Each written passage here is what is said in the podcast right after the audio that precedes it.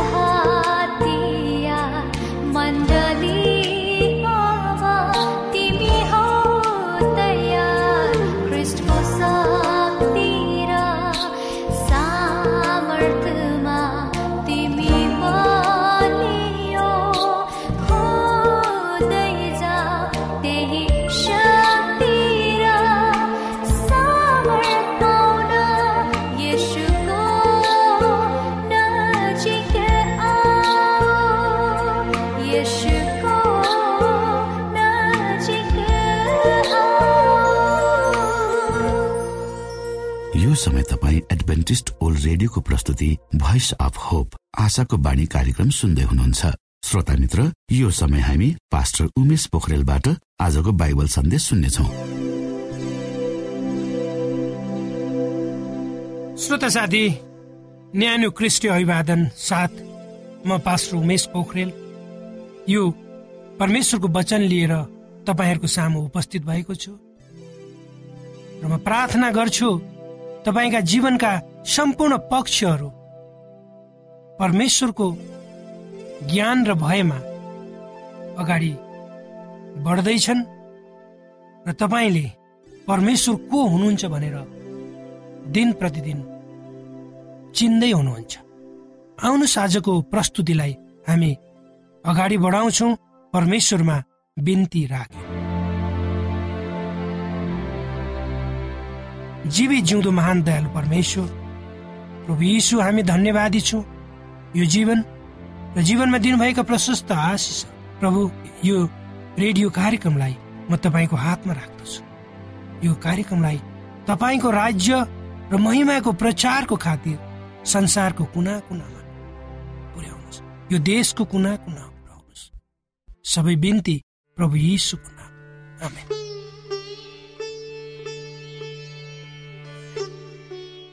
श्रोता साथी आजको प्रस्तुतिको सेरोफेरो पनि मानिस र परमेश्वरसँगको सम्बन्ध नै हुनेछ।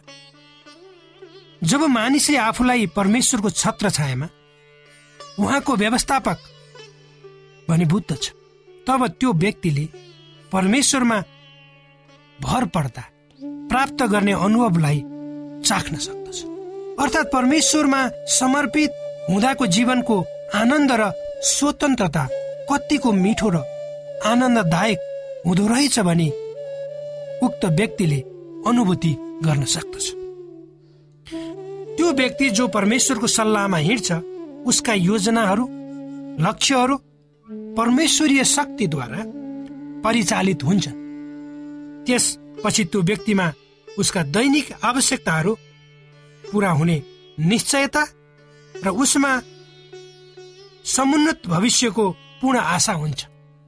र त्यसै अनुसार उसले आफ्नो जीवनका पाइलाहरू अगाडि बढाउँदै जान्छ र ऊ क्रमशः आफ्नो लक्ष्यमा सफल हुन्छ।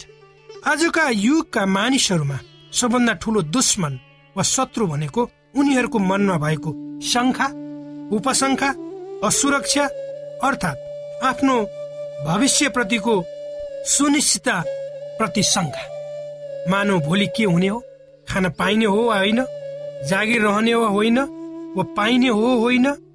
जब मानिसहरू परमेश्वरबाट टाढा भएर आफूमा मात्रै भर पर्छन् वा आफू आफै मात्र जिउने प्रयत्न गर्छन् तब यस्ता शङ्खा उपशङ्खा अविश्वास र अनिश्चितता जस्ता कुराहरूले उनीहरूलाई गाँच्न पुग्छन्।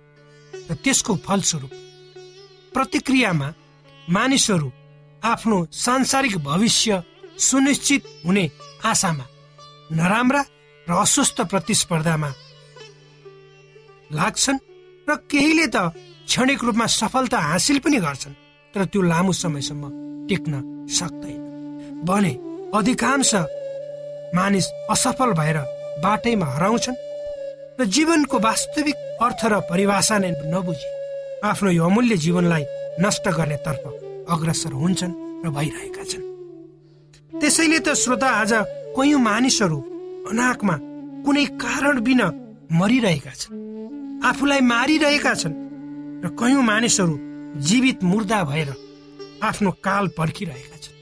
चाहे तिनीहरू भट्टीमा मातेर झगडा गर्दै गरेका किन नहुन्? चाहे सडकको नालीमा बेहोस भएर लडेका किन नहुन्? वा गल्लीमा सडकका गल्लीमा बसी सोझा साझा मानिसलाई ठग्ने पाकेट मार्ने किन नहुन्? अथवा लुकी छिपी तास जुवा खेल्ने किन नहुन् यी सबै कुराहरूको सुरुवात मानिसले परमेश्वरलाई नचिन्नु र आफ्नो यस संसारको उपस्थितिलाई नबुझ्नु नै हो भन्दा अत्युक्ति नहोला। पवित्र धर्मशास्त्र बाइबलको मत्ती भन्ने पुस्तकको पाँच अध्यायको तिनदेखि नौ पदमा प्रभु येसुले भन्नुभएको कुराहरूले मेरो जीवनमा ठुलो परिवर्तन ल्याएको छ। यहाँ यसरी लेखिएको छ आउनुहोस् हामी सबै पढौँ। पवित्र धर्मशास्त्र बाइबलको मत्ती पाँच अध्यायको तिनदेखि नौ पद जसलाई हामी डाँडाको उपदेश पनि भन्दछौँ। प्रभु यीशुले यसरी भन्नुहुन्छ धन्य आत्मामा दिन हुनेहरू किनभने स्वर्गको राज्य तिनीहरूको। धन्य शोक गर्नेहरू किनभने तिनीहरूले सान्त्वना पाउनेछ।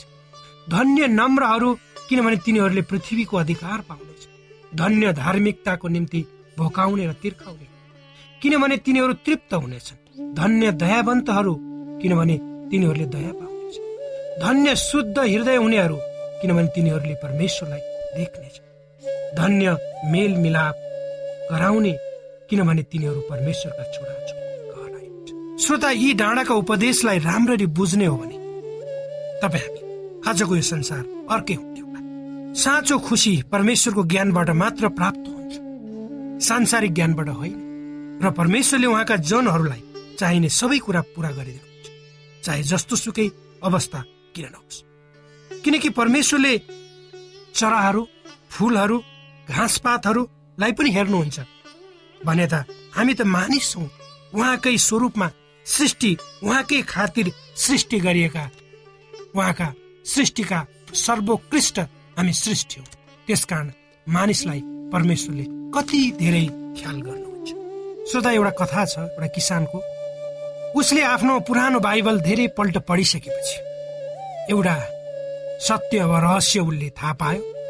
त्यो के बुझ्यो भन्दा सबै कुराको मालिक परमेश्वर हुनुहुन्छ भन्ने बुझ्यो। र त्यसपछि उसले घुँडा टेकेर प्रार्थना गर्यो र भन्यो परमेश्वर म क्षमा चाहन्छु। मैले सोचेको थिएँ यो खेतीको मालिक म आफै हो भनेर तर अहिले मैले देखेँ कि वास्तविक मालिक तपाईँ हुँदो रहेछ। म त केवल हेरचाह गर्ने म्यानेजर मात्र रहेछु। त्यसकारण अब म यो तपाईँलाई फिर्ता दिन्छु। म आशा गर्छु तपाईँले मलाई क्षमा दिनुहुन्छ। किनकि हामीहरू यहाँ अनौठो र नबुझिने काम गर्दछौँ। हेर्नुहोस् यो जग्गामा हेर्नुहोस् यो जग्गाको पेपरमा। कानुनी दस्तावेजमा मैले मेरो नाम लेखेको छु। र तपाईँ र मलाई थाहा छ साँचो रूपमा यो खेतको मालिक हो भनेर। त्यही गाउँको तल सानो गाउँमा बस्ने उसका छिमेकीहरूले जब उक्त किसानको मुखबाट यी कुराहरू सुने त्यो किसानले भन्यो मैले मेरो खेती जसको थियो उसैलाई फिर्ता दिए। ती छिमेकीहरूमा बडो ठुलो चासो र उत्सुकता देखियो। को रहेछ त वास्तविक मालिक भनेर। तब उक्त किसानले भन्यो परमेश्वर नै यो खेतको मालिक हुनुहुन्छ। उक्त कुरा सुनेपछि किसानका छिमेकीहरूको अनुहारमा ठुलो दुविधा र चिन्ता देखियो। र उक्त किसानले भन्यो अब ऊ स्वतन्त्र छ।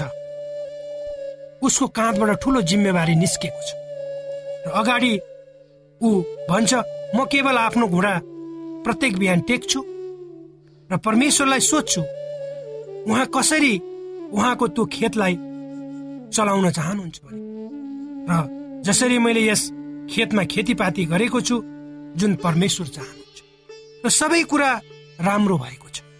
एक दिन एउटा फटाङ्ग्राहरूको चाहिँ एउटा ठुलो हुल एउटा महामारीको रूपमा त्यो गाउँका किसानहरूको खेतमा देखियो र ती फटाङ्ग्राहरूले छिमेकीहरूको खेतीपाती पूर्ण रूपमा नष्ट गरे। वा खाइदिए।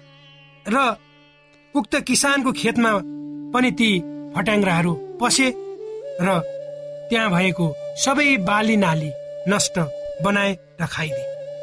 त्यो कुरालाई ती गाउँका उसका छिमेकीहरूले हेरिरहेका थिए। र छिमेकीहरू आएर उसलाई सोधे र किसानले भन्यो किन तिम्रो खेतमा लागेको सबै कुरा छिमेकीहरूले त्यो किसानलाई आएर सोधे? किन तिमी तिमीले आफ्नो खेतमा लगाएको सबै कुरा नष्ट भयो त? त्यो किसानले शान्त भएर जवाब दियो उहाँले उहाँका किराहरूलाई आफ्नो खेतीमा चराउन चाहनुभयो र त्यसको लागि मलाई कुनै आपत्ति छैन। जसरी अयुबले उहाँको अधिपत्यलाई स्वीकार गरेको पाइन्छ र जब उनले आफ्नो श्रीमतीलाई भन्छन् भुइँमा गोप्टो परेर दण्डवट गरी अयुबले भने म आफ्नै आमाको गर्भबाट नाङ्गे आएँ अनि म नाङ्गै फर्केर जानेछु परमप्रभुले दिनुभयो अनि परमप्रभुले लानुभयो। परमप्रभुको नाम धन्य होस्। अयुबले परमेश्वर नै सबै कुराको मालिक हुनुहुन्छ भने स्वीकार गरेको कुरा। हामी पवित्र धर्मशास्त्र बाइबलको अयुब भन्ने पुस्तकको एक अध्यायको एक्काइस पदमा लेखिएको पाउँछौँ। अयुबले आफ्नो सबै कुराहरू गुमाएकोमा धेरै चिन्ता फिक्री गर्न सक्थे तर ती सबैहरू उनका थिए र परमेश्वरका थिए उनी त केवल एक रेखदेख गर्ने मात्र थिए अर्थात् अस्थायी व्यवस्थापक मात्र थिए। त्यसैले त अयुबले कहिले पनि परमेश्वरलाई शङ्का गरेन। श्रोता साथी आज यो संसारमा तपाईँ र मसँग भएका सम्पूर्ण कुराहरूको वास्तविक मालिक परमेश्वर हामी त त्यसका हेरचाह वा रेखदेख गर्ने मात्र परमेश्वरले जे चाहनुहुन्छ त्यही हुन्छ। त्यसै अनुसारको जीवन जिउनको लागि परमेश्वरले तपाईँलाई अगुवाई गर्नुहोस्।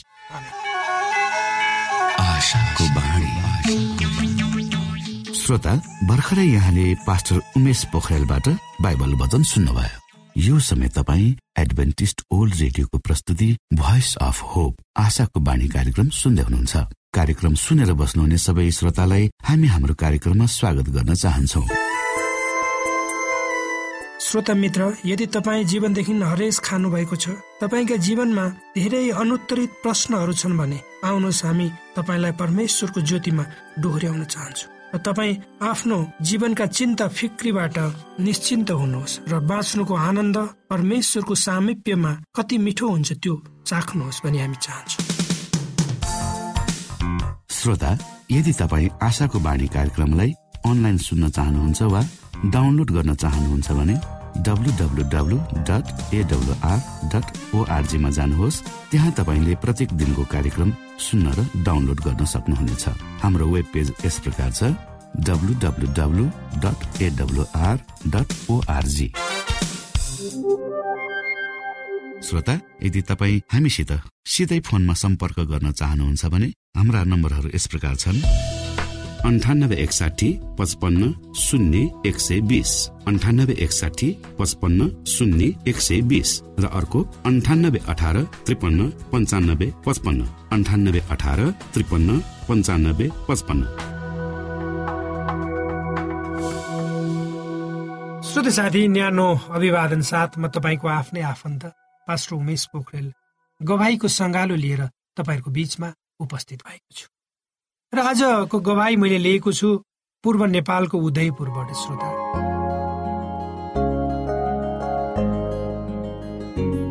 र आजको गवाईको लेखकले भन्नुहुन्छ सर्वप्रथम म परमेश्वरलाई धन्यवाद होस्। यो गवाई प्रस्तुत गर्ने मौका र अवसरको लागि म परमेश्वरलाई धन्यवाद दिन्छु। मेरो नाम डम्बर बहादुर मगर हो। मेरो ठेगाना जिल्ला उदयपुर गाविस भलाइ डाँडा वडा नम्बर तिन हो। तर हाल म नेपाल टारमा म र मेरो परिवारसहित हामी बस्दै आएको छौँ।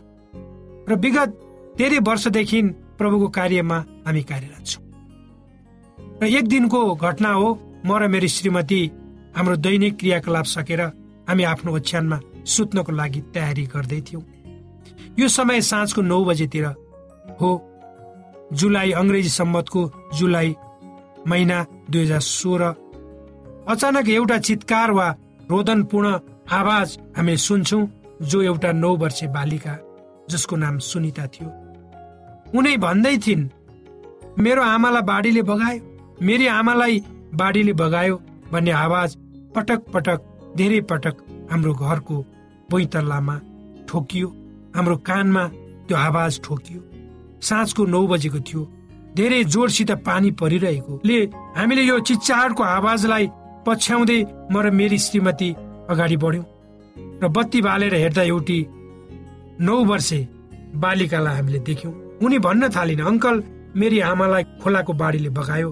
आउनुहोस् आउनुहोस् निकालिदिनुहोस्। मैले यो गुहारलाई तुरुन्तै स्वीकारेर कसैको जीवन बच्छ भने मैले किन सहयोग नगर्ने भनेर तुरुन्तै त्यो बालिकाले देखाएतिर दौडे यो घटनास्थल वा खोला मेरो घरबाट करिब दुई सय मिटर टाढा थियो। जब म त्यो ठाउँमा पुगेँ रातको अन्धकारको समयमा म एक्लै एउटा सानो टर्च लाइटको सहारामा त्यस घटनास्थलमा पुगेर त्यहाँको अवस्था ठुलो खोला बाढी आइरहेको थियो र म सानो आशा लिएर कतै उनको आमालाई भेटिन्छ कि भनेर खोलाको वरिपरितिर खोज्न व्यस्त भए तर सानो टर्च लाइटले गर्दा धेरै टाढासम्म देख्न सकिँदैन थियो। तर पनि म खोलाको किनार किनार खोजिरहे बाढी बढिरहेको थियो। यो म आफैलाई पनि त्यो अवस्थामा धेरै खतरनाकपूर्ण थियो। किनकि अँध्यारो रात उर्लदो खोला मलाई पनि कुनै पनि बेला बगाउन सक्थ्यो र मैले खोला बाढीको आवाजसँगै एउटा सानो आवाज सुने। त्यो आवाज यस्तो थियो। मेरी छोरीलाई खोलाले बगायो मेरी छोरीलाई खोलाले बगायो। यो रुवाई सहितको आवाज मैले केही मिनटभित्र भेटे। उनी थिइन् त्यही बगाइएकी बालिकाकी आमा। बगाइएकी आमा निर्मला भुलेज भुजेल वर्ष उन्तिसकी ती आमा र छोरी खोला तर्ने क्रममा आमा र छोरी दुवैलाई एकैसाथ बगाएको थियो। तर छोरी चाहिँ आफै निस्किन् निस्केर म कहाँ गुहार माग्न आइपुगेकी थिइन् भने आमा चाहिँ खोलाले बगाएर केही मिटर तल पुगी घाइते अवस्थामा मैले उद्धार गर्न घाइते अवस्थामा थिइन् र मैले उद्धार गर्ने मौका पाएँ। उता मेरो घरमा मेरी श्रीमती धेरै चिन्ता गर्दै थिए र मलाई खोज्न आउँदै थिए। र मैले ती निर्मला घाइते आमालाई घाइते छोरी सुनितालाई मेरो घरमा ल्याए र मिलन गराइदिए। ती आमाले आफ्नै छोरीलाई देख्न साथ अगालो हाली रोइन्। त्यो एकदमै भावपूर्ण विभोरपूर्ण मिलनमा मेरो सबै परिवार भाव बिहल भयो र हामी दुवैजनालाई सम्झाएर घर पठायौँ। उनीहरू आजकाल भन्ने गर्छन् तपाईँ त हाम्रो लागि ईश्वर नै हुनुभयो। म भन्ने गर्छु त्यो मलाई परमेश्वरले सहायता गर्ने मन दिनुभयो भने यसरी एक आमा बच्न सफल भइन्। र श्रोता यो भाइ उदयपुरबाट आएको छ। सायद परमेश्वरले त्यो भाइ जसले त्यो उर्लदो खरे त्यो बाढीमा एउटा आमा छोरालाई बचाउनु भयो त्यो परमेश्वरले त्यो मन त्यो भाइलाई नदिनु भएको थियो भने सायद ती आमा छोरीको मिलन हुने थिएन ती आमा बाँच्ने थिएनन् होला। राति ठुलो बाढी फेरि आउने थियो होला। तिनी ती आमालाई त्यो बाढीले सोहोरेर फेरि लान्थ्यो होला। परमेश्वरलाई धन्यवाद होस्। परमेश्वरले आफ्ना जनहरू मार्फत यी आपत र विपदमा परेका धेरै मानिसहरूलाई यसरी बचाउनुहुन्छ। श्रोता यदि तपाईँको अगाडि पनि कोही मानिस गुहार मागेर आउँछ कोही मानिस सहायता माग्न आउँछ कोही मानिसको तपाईँले चाहिँ रोदन सुन्नुभयो कोही मानिसको तपाईँले चितकार सुन्नुभयो भने तपाईँले आफ्ना आँखाहरू आफ्ना कानहरू बन्द नगर्नुहोस् श्रोता। यो गभाइले तपाईँ र मलाई बाँच्ने प्रेरणा दिउन्।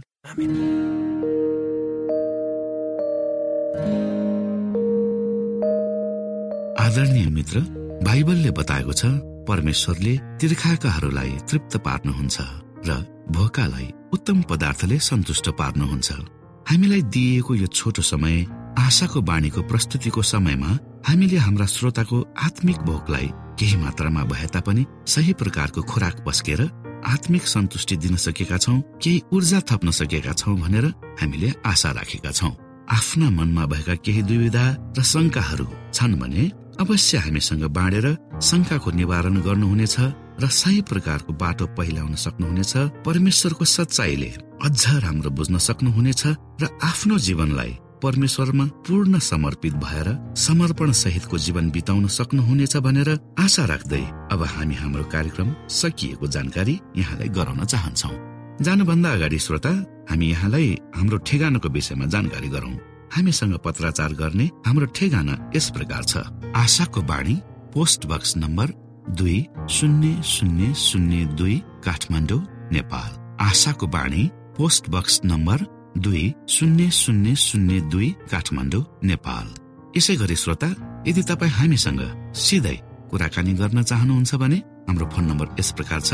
अन्ठानब्बे एकसाठी पचपन्न शून्य एक सय बिस। अन्ठानब्बे एकसाठी पचपन्न शून्य एक सय बिस।